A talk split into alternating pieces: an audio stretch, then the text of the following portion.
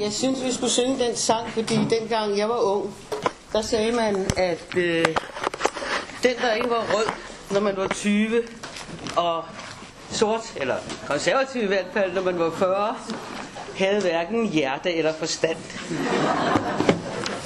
Så må vi jo se, hvordan det gik, jeg, jeg, jeg var i hvert fald rød, da jeg var ung, og det tror jeg mange af jer også har været. Jeg vil lige sige til det, jeg, jeg har skrevet den her bog sammen med min datter, Øh, og den handler også om mit liv og nogle af de ting, jeg vil fortælle om i de her foredrag. Men den har en lidt anden tone, fordi øh, den indeholder alle hendes spørgsmål. Og derunder var det nu også sådan, det var det nu helt sikker på, og sådan noget, sådan husker jeg det ikke. Så på den måde er det, er det sådan set en meget sjov bog, at læse. Og jeg har købt rejstabladet, den findes ikke mere, men man kan købe den for 100 kroner, hvis I har lyst. Jeg har taget nogle eksemplarer med. Yes. Øhm, sidste gang, der nåede vi frem til sådan omkring 1956. Og den 23. oktober 1956, der øh, skete der noget i Ungarn. Der var nogle studenter, der demonstrerede for Polen, hvor folk havde tvunget den stalinistiske regering af. Og i tilslutning til det, så blev tusinder kaldt ud på gaderne, blandt andet øh, via en varebil med højtaler og den radio, der hed Frit Europa dengang. Øh, der kom, det kom hurtigt til kamp rundt omkring, øh, blandt andet ved, ved radiohuset, og flere og flere mennesker sluttede op om denne opstand. En studenterdelegation gik ind i parlamentet, de blev straks arresteret, og folket udenfor krævede løsladelse, hvorefter Sikkerhedspolitiet skød ind i, i mængden. Derefter blev der stor, stor ophidselse i Ungarn, og især i Budapest. Der var masser af demonstrationer, soldaterne, øh, det er altså her, den ungarske her, en stor del af dem sluttede sig til oprørerne, andre gav deres våben til oprørerne, og i løbet af øh, den dag havde opstanden stort set besat Budapest. Øhm, Imre Notch, der var deres forfigur, blev udnævnt til premierminister. Øhm, og den 25. oktober prøvede Sovjetunionen at stoppe det her. De sendte øh, sovjetiske kampvogne ind, og man satte sikkerhedstjenesten ind. Øhm, men det kom altså til blodige gadekampe, og sovjetiske kampvogne blev øh, bombarderet med Molotovs cocktails, og efter en et lille stykke tid, så spredtes oprøret til hele landet. Sovjet øh, erklærede sig villig til at forhandle med øh, Imre Notch, men da han valgte at sige, nu træder Ungarn ud af Varsava-pakten, så blev der alligevel mad for Sovjetunionen, og den 4. november, så sendte de 2.000 kampvogne til Budapest. Øhm, og det blev et det blev et meget blodigt slag. Mellem 20 og 30.000 mennesker blev dræbt. Men det var klart, at, den, den, at øh, ungarerne kunne ikke klare sig, i, opstanden kunne ikke klare sig mod Sovjetunionen. Og det, jeg læste jo om det i avisen, jeg hørte om det i radioen. Jeg synes, det var, jeg synes, det var forfærdeligt, at vi ikke kom Ungarn til hjælp. Øhm, specielt fordi jeg vidste, at den radio, der hed Radio Free, Free Europe, eller Frit Europa, eller Freist øh, Europa, og som var finansieret af den amerikanske kongres for demokrati og, og, og hjælp til, til landene, den havde sagt til Østlandene, hvis I starter oprøret, så kommer vi jer til hjælp. Jeg kunne se nu, da jeg kiggede i et leksikon, at man mener ikke, at den amerikanske, de amerikanske politikere vidste, at øh, denne radio havde, havde, havde, havde udtalt den til ungarerne, men jeg vidste det. Jeg ved så ikke, hvordan jeg vidste det. Øh, men måske vidste min far det, og måske har han sagt det videre til os. Jeg ved det ikke, men jeg vidste, at radioen havde lovet dem, at hvis de selv gjorde oprør, så ville den frie verden komme dem til hjælp. Og jeg synes, jeg, jeg kunne slet, slet ikke forstå, at der ikke kunne gøres noget. Øh, og min far, der var politiker, han ikke kunne gøre et eller andet. Jeg, jeg synes, det var, det var så forfærdeligt, at, at den opstand i Norge, eller slået i Ungarn, bare blev slået ned på den måde. Flere hundrede tusind flygtede til Østrig. Andre lande hjalp også. Vi tog 1400. Allerede dengang var vi ikke så vilde med at tage mange. Øh, men til gengæld blev de modtaget med åbne arme. I Padborg stod politi og tolvvæsen og gjorde honør og hilste dem velkommen med blomster og kager og mad og drikke. Øhm, nede i Ungarn var der et forfærdeligt og grufuldt efterspil, hvor måske op mod 20.000 mennesker enten blev henrettet, eller deporteret til Sibirien, eller af andre forfærdelige ting skete med dem.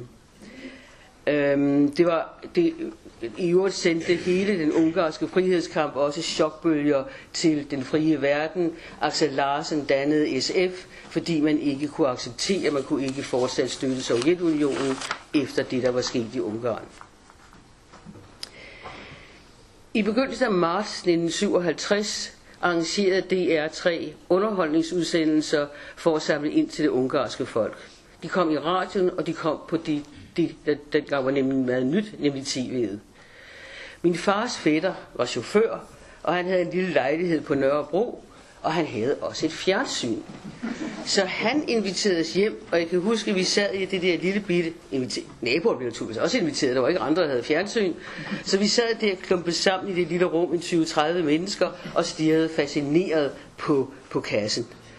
Uh, der blev samlet 3,5 millioner kroner ind, og det var et rekordhøjt beløb dengang. Jeg var, som jeg også nævnte for jer sidst, begyndt at læse aviser. Jeg fulgte med i, hvad der skete. Jeg fulgte med i det, der skete i Little Rock i Arkansas, hvor ni sorte studenter, som skulle ind og, og læse på en, en øh, hvid high school, måtte støttes af politiet for at få lov at komme i skole. Jeg læste også andet, fordi i, i mit hjem, der holdt man nogle dameblade. Det ene var familiejournalen, og det andet kan jeg ikke huske, hvad var. Men vi, de to dameblade, de kom enten var tirsdag eller torsdag. Og jeg kan huske, at det var lækkert at være syg en af de to dage. Så kom de der dameblade ind, og så kunne man ligge der og hygge sig og læse damebladene. Og en af de ting, der var i de dameblade, som også fascinerede mig, det var sådan en rubrik. Ikke de stadigvæk findes, men der stod, man kunne spørge om alt, og så var der nogen, der svarede naturligvis. Øh, og der tænkte jeg så, at det kunne være meget sjovt at, øhm, at, at, at lave et problem, som var rigtig svært for de der folk, og så se, hvad de egentlig ville stille op med det. Og jeg konstruerede så et problem, som jeg selv synes var vældig godt. Øh, I det jeg skrev ind og sagde, at jeg var en, en, en gift kone, jeg var 27, jeg havde været gift i nogle år, og vi kunne ikke få børn. Og så havde jeg været til en julefrokost. Og der havde jeg så haft en hurtig affære med en af mine øhm, øhm, arbejdskammerater. Og et par måneder efter havde jeg opdaget, at jeg var blevet gravid. Min mand havde været ude af sig selv af glæde. Virkelig lykkelig. Jeg var også lykkelig, ligesom så færdig have et barn. Og det gik fint i et par måneder. Men så havde jeg mistet barnet. Og det var min, min, min mand var ulykkelig, og jeg var ulykkelig. Og spørgsmålet var, hvad skulle jeg gøre nu? Skulle jeg tage fat i arbejdskammeraten? Eller skulle jeg fortælle min mand sandheden? Formentlig var det sådan, at han ikke kunne få børn, for vi havde jo prøvet alle de år uden held. Hvad skulle jeg gøre? Jeg synes selv, det var et, et fremragende dilemma. Og jeg åbnede jo spændt øh, familiejournalen næste gang den kom. Men den kom den ene uge efter den anden, og den bragte aldrig mit problem. øhm, og jeg, jeg prøvede så at trøste med, at det var nok det var for svært for dem Og, at, at løse det der moralske dilemma. Men øh, det kan jo også være, at de har kunne se på skriften eller sådan noget, at det var et meget ung menneske, der havde skrevet det. Jeg ved det ikke. Jeg ved bare, at det aldrig kom. Øhm, på det tidspunkt, der øh, var der noget, der hed torsdagsmodtagelse. Det var alle ministerierne. Om torsdagen på et eller andet tidspunkt, mellem 2 og 5 eller sådan noget, der var alle ministerier åbne. Og så kunne hver borger komme og tale med ministeren. Det var sådan set fremragende, synes jeg, en fremragende idé. Det var simpelthen sådan, min far havde torsdagsmodtagelse, og der kom almindelige borgere. Og der kom alle mulige, og han kom tit hjem og fortalte om det, de havde sagt. Og jeg husker, han kom og sagde, ah, nu er der kommet en til af de der, der er sur over knald, og kører på, på cykelstierne. Og ja, det er jo mine borgere, der kører på cykelstierne, eller mine vælgere, der kører på cykelstierne. Så det er også lidt irriterende, men jeg, jeg synes jo, det er det rigtige, det er for farligt for knald, der kører ude i trafikken. Men så havde han også et andet problem. Og det var, det var virkelig et stort problem. Han havde besøg af et forældrepar. De havde en datter på 17, og hun var blevet gravid med en ældre mand, og de skulle så have det der barn. Og så øh, kom de og bønfaldt min far om ikke at lade dem få tilladelse til at gifte sig. For hun var under 18, og de mente, de var bange for manden, de mente, han var voldelig og sådan noget. Og min far kløede sig i nakken, og i øvrigt næste torsdag så mod der kom pigen og spurgte og sagde, jeg er gravid, og jeg, vi elsker hinanden, og kan jeg ikke få lov, og så videre, og så videre. Og min far snakkede med, øh, med sine embedsmænd, og de sagde alle sammen, altså, hun er 17 år, hun er 17 hat, hun skal have et barn. Hun vil gerne giftes med den mand. Vi plejer altså at give en tilladelse. Og det endte så med, at min far gav en tilladelse, og så skete der det forfærdelige og tragiske, at halvt år efter, så myrder denne her mand sin unge kone. Nej, ikke engang halvt for barnet var ikke født endnu. Fire måneder måske. Så myrder denne mand sin unge kone, og med hende øh, barnet naturligvis. Og de der forældre var jo fuldstændig knust, og jeg husker, min, min far skrev et brev, hvor han sagde, hvis jeg kunne gøre det om, så ville han ikke have lavet hende og så videre og så videre og beklagede det dybt. Men det var de jo ikke tilfredse med, og en dag kom de hjem til jeg Jeg tydeligt huske de der to forknytte mennesker, der stod udenfor og sagde, at de ville gerne tale med min far. Og han bød dem indenfor, og så kunne jeg jo huske, kan jeg huske, at, at de sad der og snakkede, og man kunne høre grådet og, og så videre og så videre. Og til sidst gik de, men så blev de stående udenfor, og så stod de og råbte, giv os vores datter tilbage. Og det, det, var, det var simpelthen, øh, det var altså frygteligt, frygteligt. Og, og min far øh, var, var også meget berørt af det der. Og mens alt det her skete, så røg min mor jo ud og ind af hospitalet. Øh, hun fik fjernet det ene bryst, og hun fik fjernet det andet bryst, og jeg ved ikke, hvad hun ellers fik fjernet, men, men hun var stadigvæk i live, men, men hun var efterhånden meget syg. I sommeren 57 der var jeg med min mor og far, min onkel og tante, på en konfirmationsrejse, der gik til Østrig. Min søster var også med, fordi vi ligesom, det var ligesom noget med, at vi skulle, vi skulle rejse sammen, og, og, så derfor fik hun en tidlig øh, konfirmationsrejse, og jeg en lidt sen. Øhm, og der havde min mor det stadigvæk godt, men øh, da vi kom til foråret 58, der var Inger og jeg øh, til en, øh, til en øh, skolekomedie på skolen. Jeg gik i første G, og hun gik i mellemskolen. Og så kom vores unge pige i pausen og hentede os, og sagde, at vi var nødt til at komme hjem. Øh, for der var, vores mor havde det ikke godt. Og så tog vi hjem, og så sad vi og ventede. Og vi sad og ventede nogle timer. Jeg husker, vi slet ikke talte så Vi sad bare og ventede. Og så til sidst, så kom min, min far hjem glædestrålende og sagde, at det var afblæst, og nu havde hun det bedre, og vi skulle ikke være bekymrede osv. Så, havde hun en god sommer. Vi havde besøg fra USA, en kusine med sin lille dreng. Øhm, og i efteråret begyndte hun at få det dårligere. Hun var ikke på hospitalet hele tiden, hun var også af og til hjemme. Og jeg kan huske, at en, en eftermiddag, hun og jeg plejede tit at gå tur med hunden om eftermiddagen. Men så var der en eftermiddag, hvor hvor jeg, jeg havde ikke lyst, jeg kan ikke huske, der var sket et eller andet i skolen, og jeg havde lyst til at, at at være lidt for mig selv og tænke over de der ting. Og så stod hun nede i gangen og råbte på mig, og så tænkte jeg, nej, det er altså ikke. Så jeg lød, lød som om jeg ikke hørte det, og jeg kan, jeg kan huske endnu døren, der faldt i bag ved hende, og så gik hun med hunden, fordi efter ganske kort tid, så blev hun indlagt igen, og øhm, der, tog, der kom vi der ind, det var så sidste gang jeg så hende, vi kom der ind en dag, hvor hun var meget smerteplaget og begyndte at blive uklar. Vi skulle ud og øh, besøge min moster og have kastanjer, kan jeg huske. Og hun begyndte så at blive uklar klar og sagde, jamen jeg vil jo også gerne have kastanjer. Hvorfor får jeg ikke komme med? Og min far gennede os ud og sagde, sig nu farvel til mor, da hun har det ikke godt, de skal gå og sådan noget. Men det sidste jeg husker om, det var det der med de kastanjer, hun så gerne ville have, og som hun, som hun, som hun ikke kunne få. Så gik der måske en lille uge, og så øh, kom min moster på besøg, og satte sig ned sammen med, jeg ved ikke hvor Jan var henne, jeg husker kun, det var Inger og mig, øh, op i mit værelse, og så sagde hun, at, øh, at, at vores mor var død.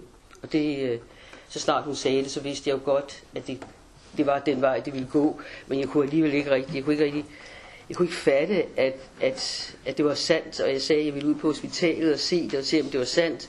Og min moster sagde, at din far er på hospitalet, og det er ikke noget for børn. Og så den næste dag, så tog jeg, tog jeg bussen derud, for jeg, jeg ville se, om det virkelig var sandt. Og da jeg så kom ind på afdelingen og havde gået et par skridt, så kom der en sygeplejerske som kendte mig godt, fordi vi havde været på besøg utallige gange i de fire år. Og hun sagde så, at jeg skulle gå hjem og sagde, din mor er ikke på stuen mere, Eva. Hun er et andet sted. Det, du, du, kan ikke, du kan ikke besøge hende nu. Der ligger, et andet, der ligger en anden dame på den stue. Og så tog jeg jo hjem. Der var ikke rigtig andet at gøre. Og så kan jeg huske begravelsen, hvor, hvor der var en hel masse mennesker til stede i kirken, som jeg ikke kendte, og det synes jeg var underligt. Øhm, men, men det var, øh, det var, det var, det var redsomt, fordi øh,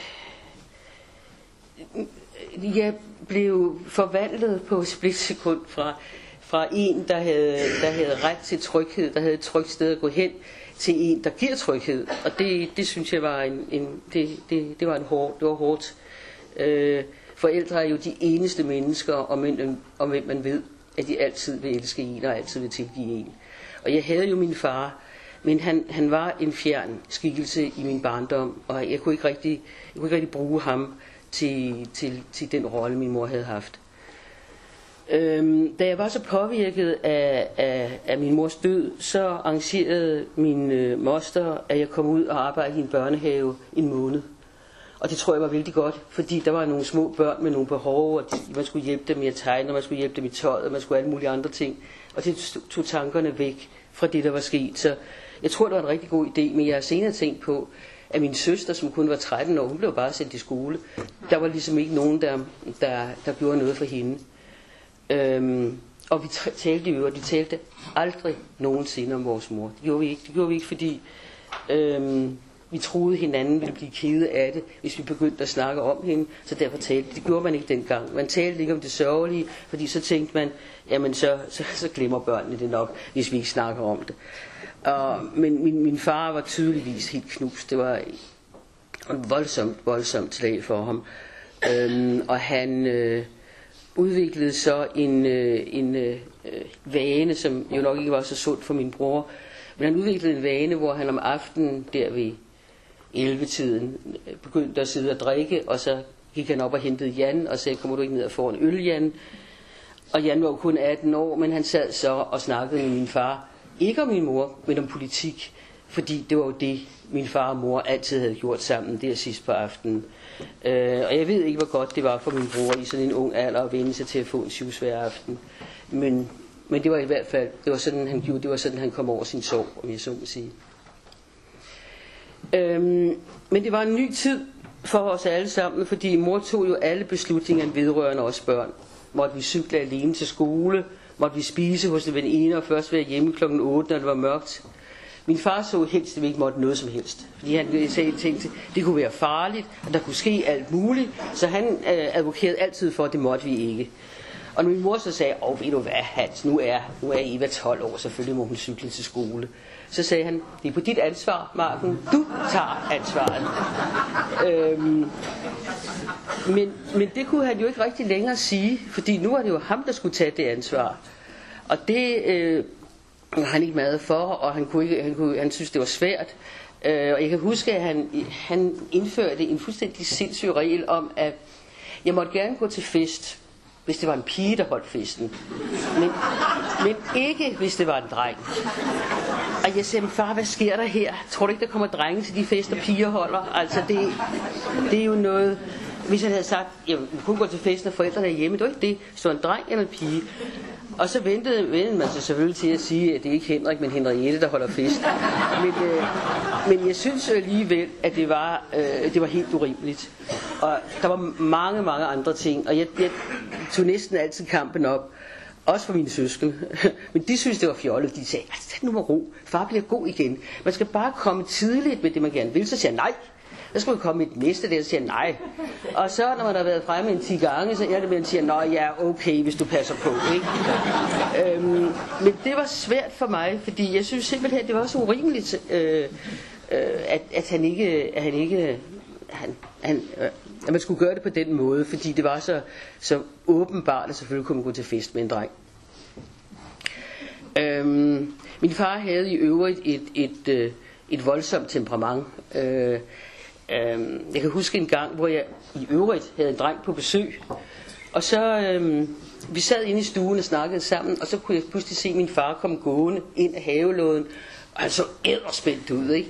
Og så sagde jeg til den der dreng, du må heller lige gå ind øh, ved siden af. Jeg tror, jeg tror min far kommer nu. Og drengen kiggede, og han listede sig ind ved siden af. Og så kom min far ind ad døren og sagde, det store svin, den fede idiot. Hvad fanden er meningen? Og jeg sagde, far, far, hvad er der sket? Der var så sket det, at hans ministerchauffør ikke var kommet og havde hentet ham fra det møde, han havde været til. Og så havde han været nødt til at tage en taxa. Så han... Øh, jeg sagde, ej, men det er bare en misforståelse. En misforståelse! Manden er idiot! Og så videre, så videre. Og jeg, øh, det endte så med, at, øh, at ministerchaufføren faktisk kom og holdt udenfor og kom op med sin, jeg husker med sin kasket, kom sådan her op og ringede på og stod udenfor. Og der, var min, der havde min far så, der var han så dæmpet ned, så han sagde ikke så meget. Men han kørte med ministerchaufføren. Og den, så lukkede jeg døren op til drengen, og han stod sådan fuldstændig i hjørne. og, og sagde, jeg, jeg tror Eva, jeg tror jeg skal hjem. så øh, det var, det var ikke... Øh, han, han havde et, et kraftigt temperament. Han var også han var morgenmand. Han var altid glad om morgenen. Og så kom han ned, så sad vi der og spiste vores havregryn og var lidt sure, som man jo er om morgenen. Og så sagde han, Nå børn, i dag, så ikke en dejlig dag. Har I set, at solen skinner? Mhm, sagde han så. Åh, sure unger, sagde han så, og gik ud af døren. Ikke? Så jeg ved ikke, om han nåede at køle af, inden han kom ind i ministeriet. Men, øh, men det, var, det var meget ofte tilbagevendende, det der. Øhm, så havde jeg som barn et, et, et andet problem, hvor jeg også gerne ville have, min mor var der. Øh, og det var, at jeg fik min menstruation meget sent. Jeg fik den første, da jeg var næsten 18. Og det, det var der jo ingen andre piger i klassen, der ikke havde fået menstruation, og jeg havde jo bryster osv. Så, videre, så, videre, ikke?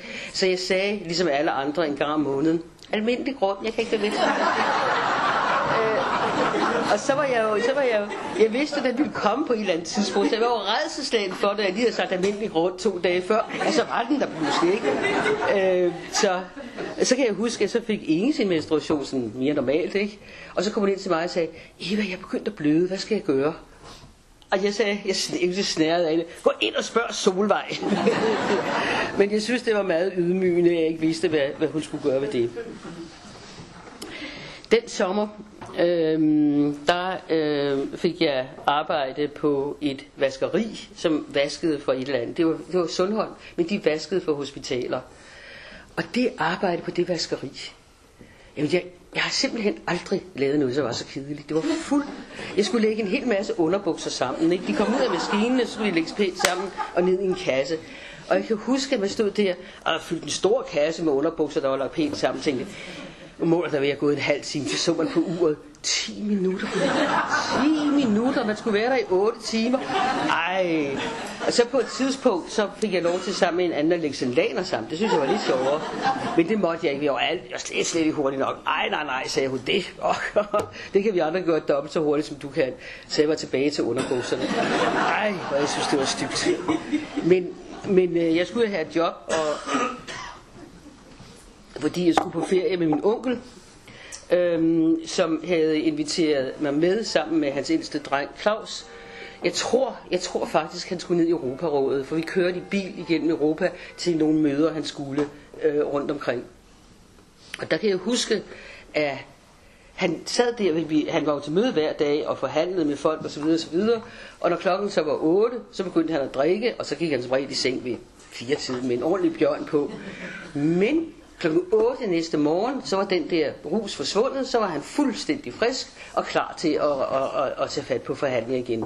Så derfor har jeg, jeg har simpelthen aldrig troet på den der historie med, at han skulle have solgt øh, Nordsøolien i en brændert. For han forhandlede ikke i brændert. Det gjorde han simpelthen ikke. Han, øh, han, var, han kunne sagtens være klar den næste morgen. Vi aldrig faldt ham ind og sidde og forhandle i en brændert. Men nu er den vist også om sider øh, manet i jorden. Lidt senere på sommeren skete der så en anden ting, som, som, øh, som jeg senere fik brug for, kan man sige. Der skete det, at øh, på det tidspunkt var Jens Otto Krav udenrigsminister i H.C. Hansens regering. Og han havde en masse damebekendtskaber. Han havde på det tidspunkt, tror jeg, haft en eller to koner, men derudover havde han en masse damebekendtskaber.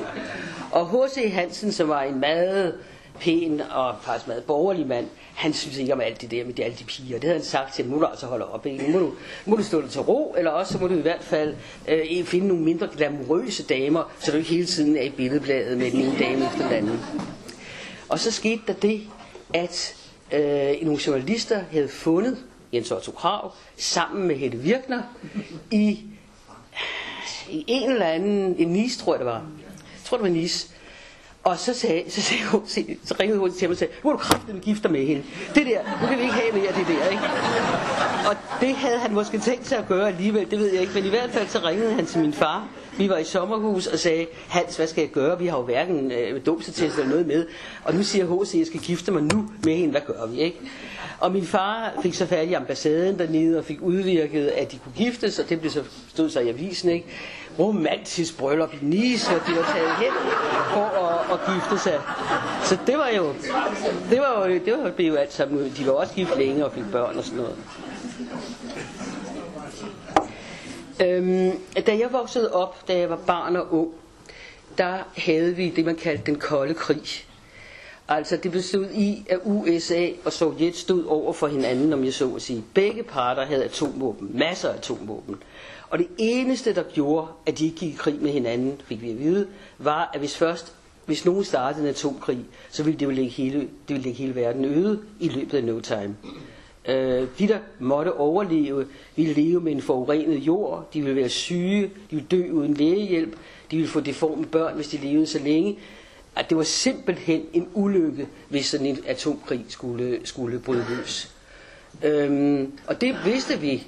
Og vi havde jo også hørt om den der berømte knap, som var i hver sin lejr, som de trykkede på, og så kørte det ellers, ikke? Øhm, jeg kan huske, at jeg har set en film, måske også nogle af jer, der har set den, men det er en film, der handler om en ung, en stor dreng, som på en eller anden måde er rigtig god til computer, og så kommer han til, og øh, så kommer han ind på USA's, øh, ind, ind i deres øh, forsvar, øh, forsvarsministerium, og så ser han den der, der hedder verdenskrig, så siger han, det lyder jo nok spændende, det spil vil jeg rigtig gerne spille. og så ser man sådan to soldater, der sidder nede i en bunker, og snakker med hinanden, og nu skal jeg snart hjem, og hvordan er det, har, er det, har de barn ikke fødselsdag i morgen, og sådan noget. Og pludselig så ringer, så lyser den røde lampe, og de stiger forfærdet på hinanden, ikke? Og så siger en af dem, men så er det nu, den røde lampe lyser, så vi skal, nu skal vi lukke op for de der missiler, nu skal de afsted og sådan noget. Han siger, men altså, er vi nu sikre på, at det er rigtigt? Kan vi ikke ringe og spørge overkommandoen ad? Nej, siger så det må vi jo ikke. Vi skal, vi skal. Og vi har en, en, en nøgle hver, og så åbner vi det skab, og så starter krigen. Øhm, og ham den, han siger, nej, jeg gør det altså Jeg tror, jeg, jeg, jeg, jeg bliver nødt til at vide, om det er virkelig er rigtigt. I starten en verdenskrig, uden at vide, at der kan være sket en fejl. Og det kører så et stykke tid, og det ender så med, at de aldrig får de der missiler afsted selvfølgelig. Men det var lige præcis den situation, vi alle sammen øh, forestillede os kunne komme, hvis den ene eller den anden af de to stormagter blev tilstrækkeligt irriteret og sur. Og jeg kan huske, at øhm, øh, øh, jeg var der ikke andet. Nå. Øhm, nå jo, jeg kan huske, jeg, den første børnebog, jeg skrev, der er, øh, er der en dreng, der kommer ud for et, øh, et jordskælv. Og så han bliver fuldstændig forfærdet, da han ser, følger det jordskælv, og så siger han, der må være en eller anden, der har trykket på den forbandede knap. Og der var ingen af de børn, der læser den bog, der forstår, hvad det er for en forbandet knap. Altså det er jo noget, der stadigvæk lever i mit hoved, at der er den der knap, der ikke må trykkes på. Øhm, så det var, det var, men, men det, var, det var noget, vi vidste, om jeg så må sige, at det der kunne ske. Og i påsken 1961, lige før jeg blev student, der blev der arrangeret en atommarsch, hvor man altså gik fra Holbæk til København over en to-tre dage, for at protestere imod, for at, for, for at kræve, at der ikke kom atomvåben på dansk grund, og for at appellere til stormagterne om at stoppe den kolde krig. Og det var det, de, vi blev kaldt for alt muligt, vi der gerne ville med i det der, fordi de sagde, jamen I går Sovjetunions ærne, og vi sagde, de, det kan man godt sige, men vi kan jo kun appellere til dem, vi kan nå, og det er jo så USA og Danmark, og ikke Sovjetunionen. Men øh, min far var, var rasende over, at jeg ville gå i atommars. Det synes jeg var en rigtig dårlig idé. Det var noget for kommunister og sådan nogle folk. Og i øvrigt kunne, vidste man ikke, hvem jeg ville træffe sådan et sted. Det kunne jo være farligt på en eller anden måde. På den anden side var jeg jo fyldt 18 år, og han vidste godt, at jeg kunne selv bestemme. Så derfor så kom han så hjem en, en, en eftermiddag og smilede listigt og sagde, børn, øh, jeg tænkte på, at vi skulle tage til Norge i påske og stå på ski. og det, øh, det kunne jeg jo ikke stå for. Så det endte med, at jeg kom på skiferie. Øhm, men og om sommeren blev jeg jo så student, og der havde min, var min far blevet inviteret på officielt besøg i, i Bulgarien, og de havde så han kunne tage sin kone med. Og så havde han sagt, øh, jeg har ikke nogen kone, men jeg har sådan set, jeg har sådan set tre børn. Og de der bulgarer var flinke folk, så vi blev inviteret med. Og så tog vi alle sammen afsted på den der rejse til Bulgarien. Og det var spændende, når vi så hovedstaden, og vi var nede ved det sorte hav og sådan noget. Det var en virkelig god tur. Øhm, men jeg kan huske, at på et tidspunkt fløj vi i en meget lille maskine. Altså der var stort set kun os i den maskine. Og pludselig blev det uvær, og den der maskine blev kastet hid og did. Og så sagde min far, det var da så men børn, sikkert held vi sammen. og så tænkte man jo, det kan han sagtens sige, han har levet sit liv. Altså vi andre vil jo sådan, så vil jo sådan set også gerne lige have, have nippet lidt mere til det. Øhm, men der skete så ikke noget. Vi kom alle sammen lige ned, så, så, så alt var godt. Øhm, så blev jeg så, det var meget almindeligt dengang, man blev au pair. Jeg blev så au pair hos en dansk familie i Dortmund, som skulle ned og starte et øhm, dansk institut. Øhm, og der blev jeg så au pair for deres børn.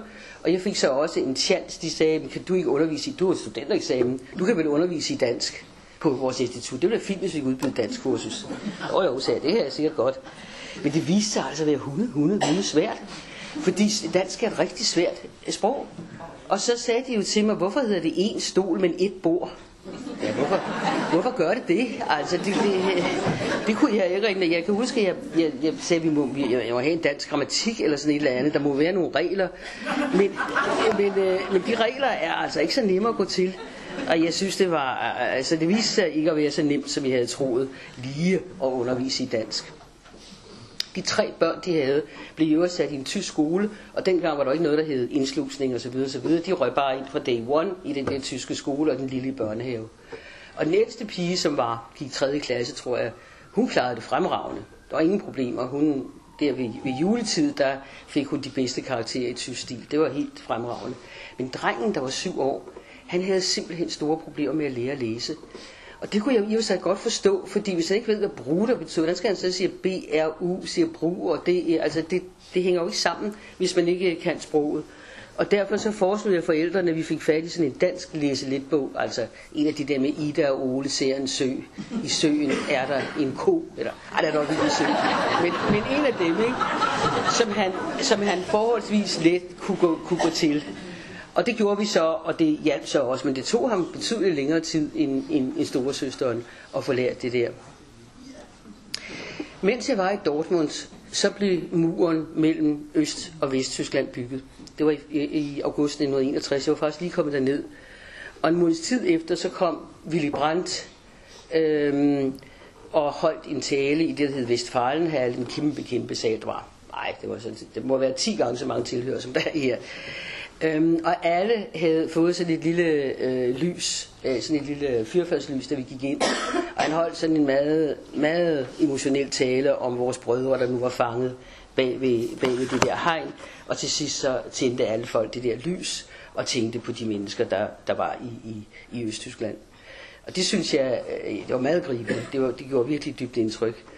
Øhm, så da da jeg, mens jeg var, det kommer vi til, men jeg var provst på regensen i en periode, og en dag, der havde de lavet sådan en, en fest, som skulle være, som skulle ligesom, det skulle være ligesom om man var i det gamle Østtyskland. Så når man, når man, inden man overhovedet kom ind til festen, skulle man stå i kø og blive kontrolleret på identitetspapirer, og øh, man sang de parti, de parti, ist immer recht, og sådan noget, ikke? Og midt i det hele kom Stasi og arresterede nogle af deltagerne i festen. Men jeg kan huske, at jeg, jeg synes ikke, det var helt så morsomt, som de andre synes. Og det var altså fordi, at et minde trængtes på.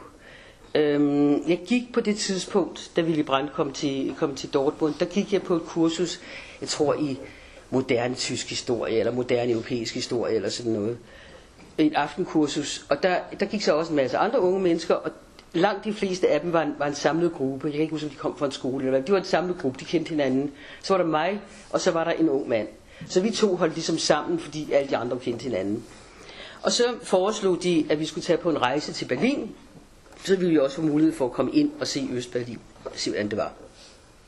Og det ville vi jo begge to gerne med på, både mig og Heinz.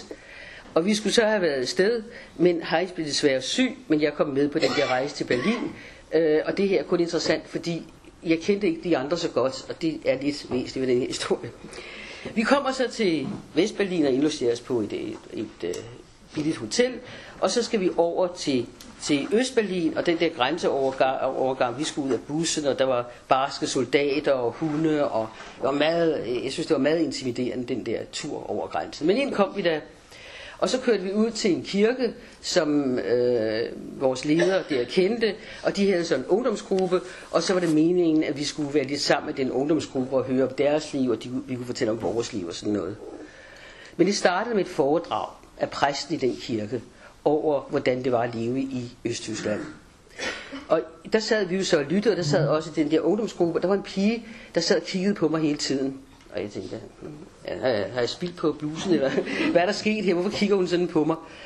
Øh, det vidste jeg ikke før han sagde, nu deler vi os i nogle grupper. Og så får hun hen og tog fat i mig og sagde, vi skal være i gruppe sammen, og så gik vi ind i et rum. Og hver gang en anden stak hovedet ind, så sagde hun, der, vi, der er fyldt her, der er fyldt her, der kan ikke være flere i den her gruppe. Og jeg tænkte, hvad, hvad er det, der foregår her? Og så begyndte hun at fortælle mig om sit liv. Og det var jo det var helt forfærdeligt at høre om. Der var spioner alle vegne, og hun var selv havde selv, øh, der var sket det, fortalte hun, at da hun begyndte i skolen, øh, så øh, det, øh, det vesttyske tv, det havde et logo, der var en lille bjørn.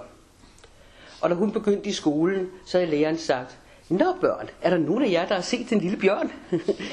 og hvis man så sagde, ja, den har jeg set, så kom der jo besøg af, af, af, af Stasi om eftermiddagen i ens hjem. Og det havde hun, og det havde frygteligt for, det havde hun faktisk sagt, og hendes far øh, var kommet i fængsel, og hun havde ikke set ham nu i mange år. Øh, men, og hun sagde, jeg, jeg, jeg kan ikke leve her, hvad skal jeg gøre en dag, for jeg børn? Øh, skal jeg opdrage dem i det system, der er her, eller skal jeg fortælle dem sandheden? Og så får de jo et frygteligt liv, jeg, jeg må væk. Og det hun så håbede var, at jeg kunne hjælpe hende med at komme væk. Øh, og hun havde egentlig håbet, at jeg var tysker. Det var jo sådan det der med, at jeg havde dansk pas. Det var sådan lidt mere besværligt. Men jeg havde dog et pas, og, og hun ville ikke behøve. Hun foreslog så, at øh, jeg lånte hende mit pas, så hun kunne komme over. Jeg sagde, jo jo, men hvad så med mig? Jeg vil jo sådan set også gerne over. Ej, men sagde hun, det er jo ikke noget problem. Du er dansker, de kan jo, altså du kan jo, du kan jo, skal jo nok komme igennem. Du kan bare sige, at stjål, passer blev stjålet, mens du var her i Østberlin, og det er jo meget naturligt, at du først opdager, når du kommer til grænsen og skal bruge det, og det vil sikkert lade dig komme over, fordi du er udlænding og sådan noget. Så det, og i øvrigt sagde, sagde, sagde det er tit, de bare tæller hovederne. Åh, sagde jeg tror, de tæller hovederne. Vi så, hvordan de tjekkede os på vejen ind. Så det tror jeg, jo, hun havde en fætter, der var grænsebetjent, så det troede hun måske. Og jeg sad jeg, jeg ved ikke rigtigt, jeg synes alligevel, og jeg vil også gerne hjem og sådan noget. Men hun var fyr og flamme og sagde, det der billede, det kunne nemt være hende. Og øh, så pludselig var en, der stak hovedet ind og sagde, nu går bussen om fem minutter. Og i det sekund, han gjorde det, så sprang hun op, tog passet og for ud af døren. Og så sad jeg ligesom der, ret lammet, og tænkte, hvad, hvad gør jeg nu? Skal jeg sige til dem, hun har hugget mit pas? Det er jo forfærdeligt for hende, hvis, hvis hun har gjort det. Øhm, hvad, hvad, hvad gør jeg egentlig? Men hvis jeg ikke gør noget, så, så står jeg jo her uden pas i Østtyskland. Det, det tror jeg ikke er særlig smart. Øhm, så jeg tænkte, øhm, jeg kunne ikke bestemme mig. Men da bussen kørte væk fra stedet, der fortrød jeg bittert, at jeg ikke havde sagt et eller andet om øge mit pas. Øh, jeg kunne bare have sagt, jeg havde det i hånden, og så skulle jeg ud og tisse, og så må jeg have lagt det på et bord. Det er i hvert fald blevet ikke. Jeg gjorde ikke noget. Jeg kørte afsted i bussen. Så øh, øsede det ned. Og det var meget trøstesløst. Og derfor så begyndte nogle af de der øh, unge i bussen at sige, skal vi ikke køre hjem til Vestberlin? Ah, altså så øh, sørgelige her i Østberlin, og er det ikke lige meget med de ting, vi skulle se? Og det gik jo slet ikke. For jeg havde jo sagt til hende, at vi skulle køre tilbage kl. 7, og hun skulle jo nå at komme over, hun skulle måske hjem og hente en taske eller et eller andet. Så jeg opførte en større scene, hvor jeg sagde, at det kunne ikke være rigtigt. Jeg havde glædet mig sådan til at se netop den kirke, og jeg var taget med på turen, fordi vi skulle se sådan og sådan. Og så var det jo herligt. Der var, kan man jo glædes over tyskerne, ikke ordne musein, sagde han. Hvis der er nogen, der har, er, er gået med til den her tur, fordi de vil se det der, og det har vi jo lovet dem, så skal vi hen og se det og de andre skulede til mig. Men vi, vi tog hen og stødte de der ting, og jeg synes, det gik alt for hurtigt. Men vi nåede faktisk først til grænse, ind til grænseovergangen en halv time før vi skulle have været der, altså 18.30, så jeg tænkte, det, det går jo nok. Nå, men så kom der jo ind, en ind og bad om vores identitetspapirer. Så stod jeg op foran bussen og sagde, kan I komme op med jeres papirer? Og jeg lød som om, jeg var faldet i søvn. Øhm, og de andre gik op og kom ned igen, og der var en, der sagde, skal du ikke op i dine papirer? Så sagde jeg, det har jeg været. og så øh, håbede jeg jo, at der, ikke ville, at der ikke ville ske mere. Men der var en, der sagde identitetspapiret, og så blev vi alle sammen gennet ud af bussen. Og så får de rundt og lyste med lygter op under bussen, om nogen skulle have gemt sig der, og lyste i bagagerummet og var inde og kigge op, om nogen kunne have gemt sig bag, øh, bag et eller andet sted. Men de sagde, kom så ud og sagde, at den var, den var clean, den bus.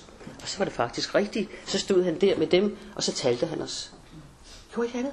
Han talte bare, at vi var de der 29, som vi skulle være. Han så ikke flere, og så kørte vi. Jeg var, jeg var simpelthen så lettet, da vi kørte over regnet. Jeg kunne næsten ikke, åh, jeg kunne næsten ikke, ikke klare det. Da vi så kom hjem på hotellet, så øhm, stak portien mig en lille pakke, og der i lå mit pas, og så et brev fra hende, hun hed Renate, og hendes adresse og sådan noget. Men da jeg kom op på værelset, som jeg delte med en anden, så begyndte jeg så igen at blive bekymret, fordi altså, jeg var jo stadigvæk, altså Vestberlin ligger jo midt inde i Østtyskland. Vi skulle stadigvæk køre med bussen igennem Østtyskland. Vi skulle over to grænseovergange. Og hvad nu? Hvad nu, hvis de havde taget hende og tvunget hende til at gå videre med den der plan, og for at se, om jeg, hvad jeg gjorde? Øhm, eller kunne være spion, kunne være alt muligt, der kunne være alle mulige ting.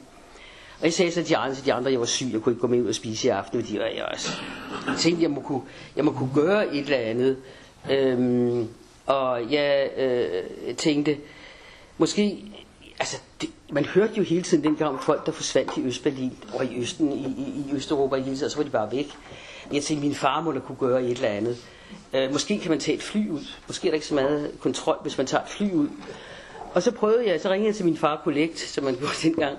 Der var ingen, der tog telefonen. Og så tænkte jeg, hvad, hvad, hvad, hvad gør jeg nu? Jeg må så sige i hvert fald, at han er min far. Han er jo trods alt justitsminister, så hvis, øh, og så videre, så videre. Ikke? Og så den næste dag, så kørte vi så afsted i bussen, og de så mit pas ved grænseovergangen, de så mit pas ved den næste grænseovergang, og der skete ikke noget som helst. Men altså, jeg kan huske, at jeg tænkte, fordi man tænker jo altid, når man hører om krig, siger man, jeg ville have været frihedskæmper. Det ville jeg ikke have været. Det ville jeg simpelthen ikke have turet. Når jeg tænker på, hvor, hvor bange jeg var på den her tur, for at et eller andet skulle gå helt galt. Men det gjorde det altså ikke. Det lykkedes. Og ja, når jo, så tog jeg heller ikke beholdt Renates brev. Så sådan på rigtig amerikansk krimi, øh, så, så rev jeg de små stykker og flaskede ud i toilettet, for at ikke nogensinde skulle se det. Og dermed glemte jeg jo så også hendes adresse, så jeg har aldrig, jeg har aldrig set hende siden. Øhm, men så tog jeg videre til Manchester. Ja. Så tog jeg videre til Manchester, hvor min onkel havde skaffet mig et, en, øh, en plads på sådan et, hvad var det, det var vel en slags højskole, hvor de underviste unge fra Norden, tror jeg. Vi var i hvert fald det hold dansk og hold englænder og hold nordmænd. Ja, det var med unge fra Norden. Blev undervist i engelske samfundsforhold og engelsk historie og sådan noget i tre måneder. Og det var, det var jo et dejligt sted, og det var jo fint, og det havde jeg meget glæde af. Øhm, og øh, da påsken kom, så skulle vi en tur til Wales. Og der havde jeg så truffet en, en amerikaner, som ikke boede hos os, men boede et andet sted. Øhm, og han sagde så, I, han ville jo nok gerne med på Wales, og vores leder sagde, det kan, du kan ikke komme med, fordi der er kun de pladser, der er. Så sagde jeg, det kan du da have, du skal til på Atommars, det har du jo selv sagt, du ville. Ja, sagde han, men jeg vil sådan set hellere til Wales. Så tænkte jeg, så kunne jeg jo tage hans plads. Jeg ville sådan set gerne på atommarsch. Jeg var jo ikke kommet der øh, året før. Så det kunne da egentlig være meget sjovt at komme med på den.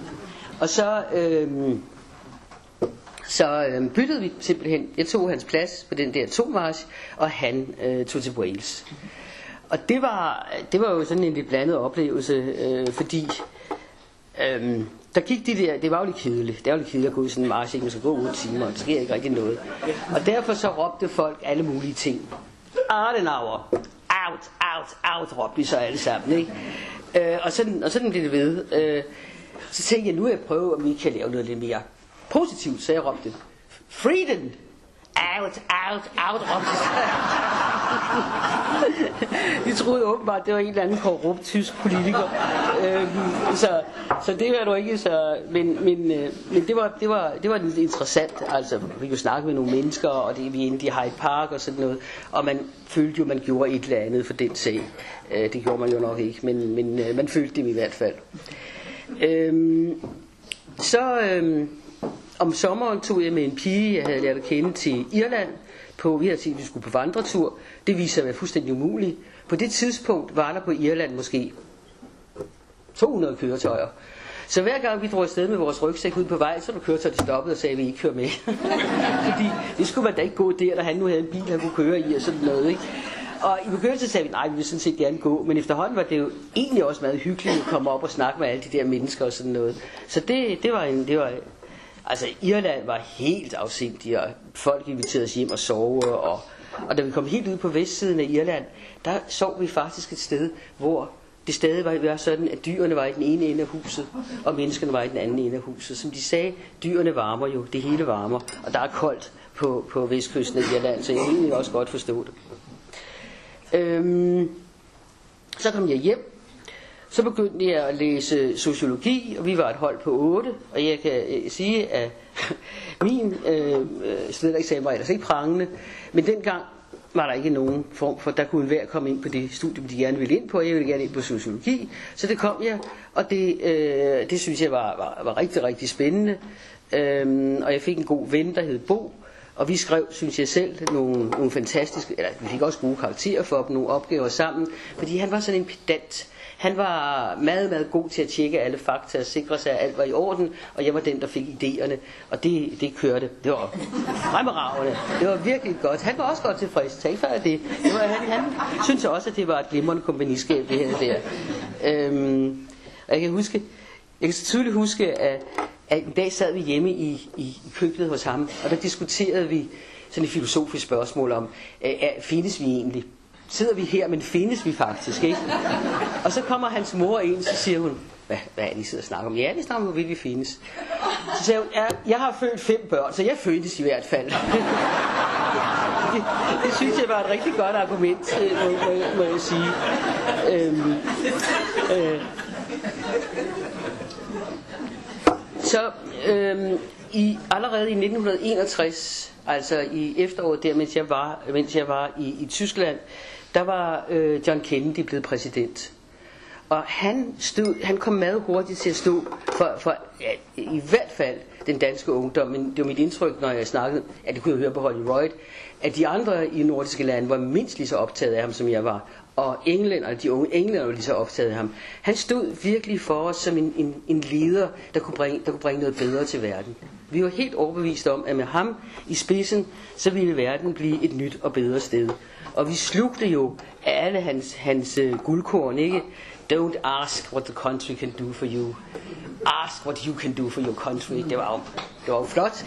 Og øh, han lavede de der Peace Corps, altså sådan nogle unge mennesker kunne drage ud og hjælpe i udviklingslandene. Øhm, og øh, havde han kone og små børn og sådan noget. Og det var jo en væs, det var noget, vi hele tiden holdt øje med. Altså hver gang der kom en ny præsident i de to lande, så tænkte vi, åh, den kan, vel en, der kan finde på at trykke på knappen. Og hvis han havde børn og børnebørn, så tænkte jeg, ah, det gør han det nok ikke. Så det var herligt med Kennedy, der havde de der små børn. Øh, han, ville, han, ville nok ikke, han ville nok ikke gøre det. Men jeg ved ikke, altså, nu er man jo også ung dengang, men jeg synes ikke, jeg synes ikke, der er sådan nogle ledere mere, der på den måde kan begejstre os alle sammen. Måske Nelson Mandela kunne være et eksempel. Øhm, og måske også, lige da Obama kom til, synes jeg også, der var noget af det samme. Uh, we can do it, og, og alt det der, ikke? Øhm, men, men ellers så synes jeg jo ikke, at man, man rigtig kender sådan nogen mere. Øhm, så, så i... Øh, øh, Ja. Så i, øh, i 1962, der kom det til en krise mellem øh, Sovjetunionen og, øh, og øh, USA. Og den, den krise, altså historikerne siger jo, at det var Khrushchev, der ville teste den der nye unge præsident og se, hvad han var lavet af.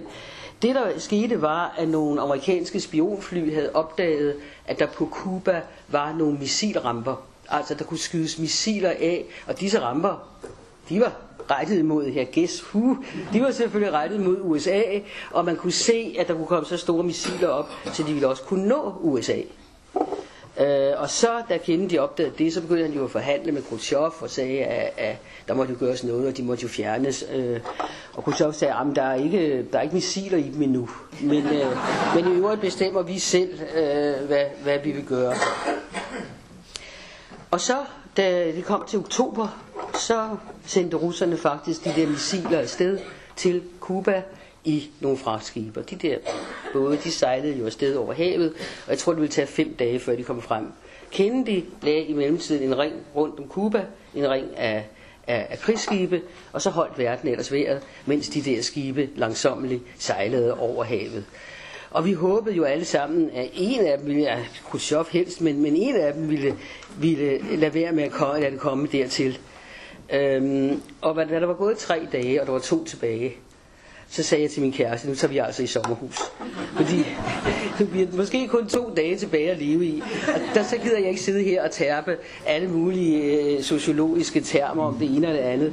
Det, jeg vil have noget ud af dem. Og det gjorde vi så, vi tog op i sommerhuset, og jeg husker, det var Ja, om det var koldt, det er det jo i oktober i sådan et sommerhus.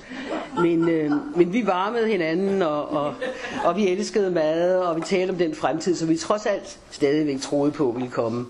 Og så gik den næste dag. Hvor, så da vi vågnede om morgenen, der var de der skibe stadigvæk troet tilbage. Nu er de jo kommet tættere på, det kunne man jo se på de der billeder i avisen. Og vi snakkede lidt sammen, om vi skulle tage hjem for at være sammen med vores familie her den måske sidste aften. Øh, men så synes vi alligevel, at, det egentlig, at der egentlig var så rart i sommerhuset. Og en sidste aften sammen var jo heller ikke at foragte. Så vi gik ud, og vi så på solnedgangen. Vi tændte et lys, og vi lå længe i mørket og snakkede sammen. Og da vi vågnede op den næste morgen, så hørte vi i radioen kl. 8, at skibene var vendt om. Khrushchevs skibe var vendt om og var på vej tilbage til, til øh, Rusland. Og det var jo en, det var jo en kæmpe, kæmpe lille. Jeg tror ikke, I kan forestille jer, hvordan det var at, at, at, at virkelig tro, at nu, at nu var det forbi. Men vi tog selvfølgelig bare hjem, og så fortsatte, så fortsatte vi vores liv. Øhm, tiden er jo ved at være, nej, tiden er ved at være, være gået, er den ikke? Det tror jeg, den er. Men så vil vi gå videre næste gang. Øh, og der går vi jo så videre til, hvad der, hvad der, hvad der ellers sker i verden og, og for mig. Ja, tak for i dag.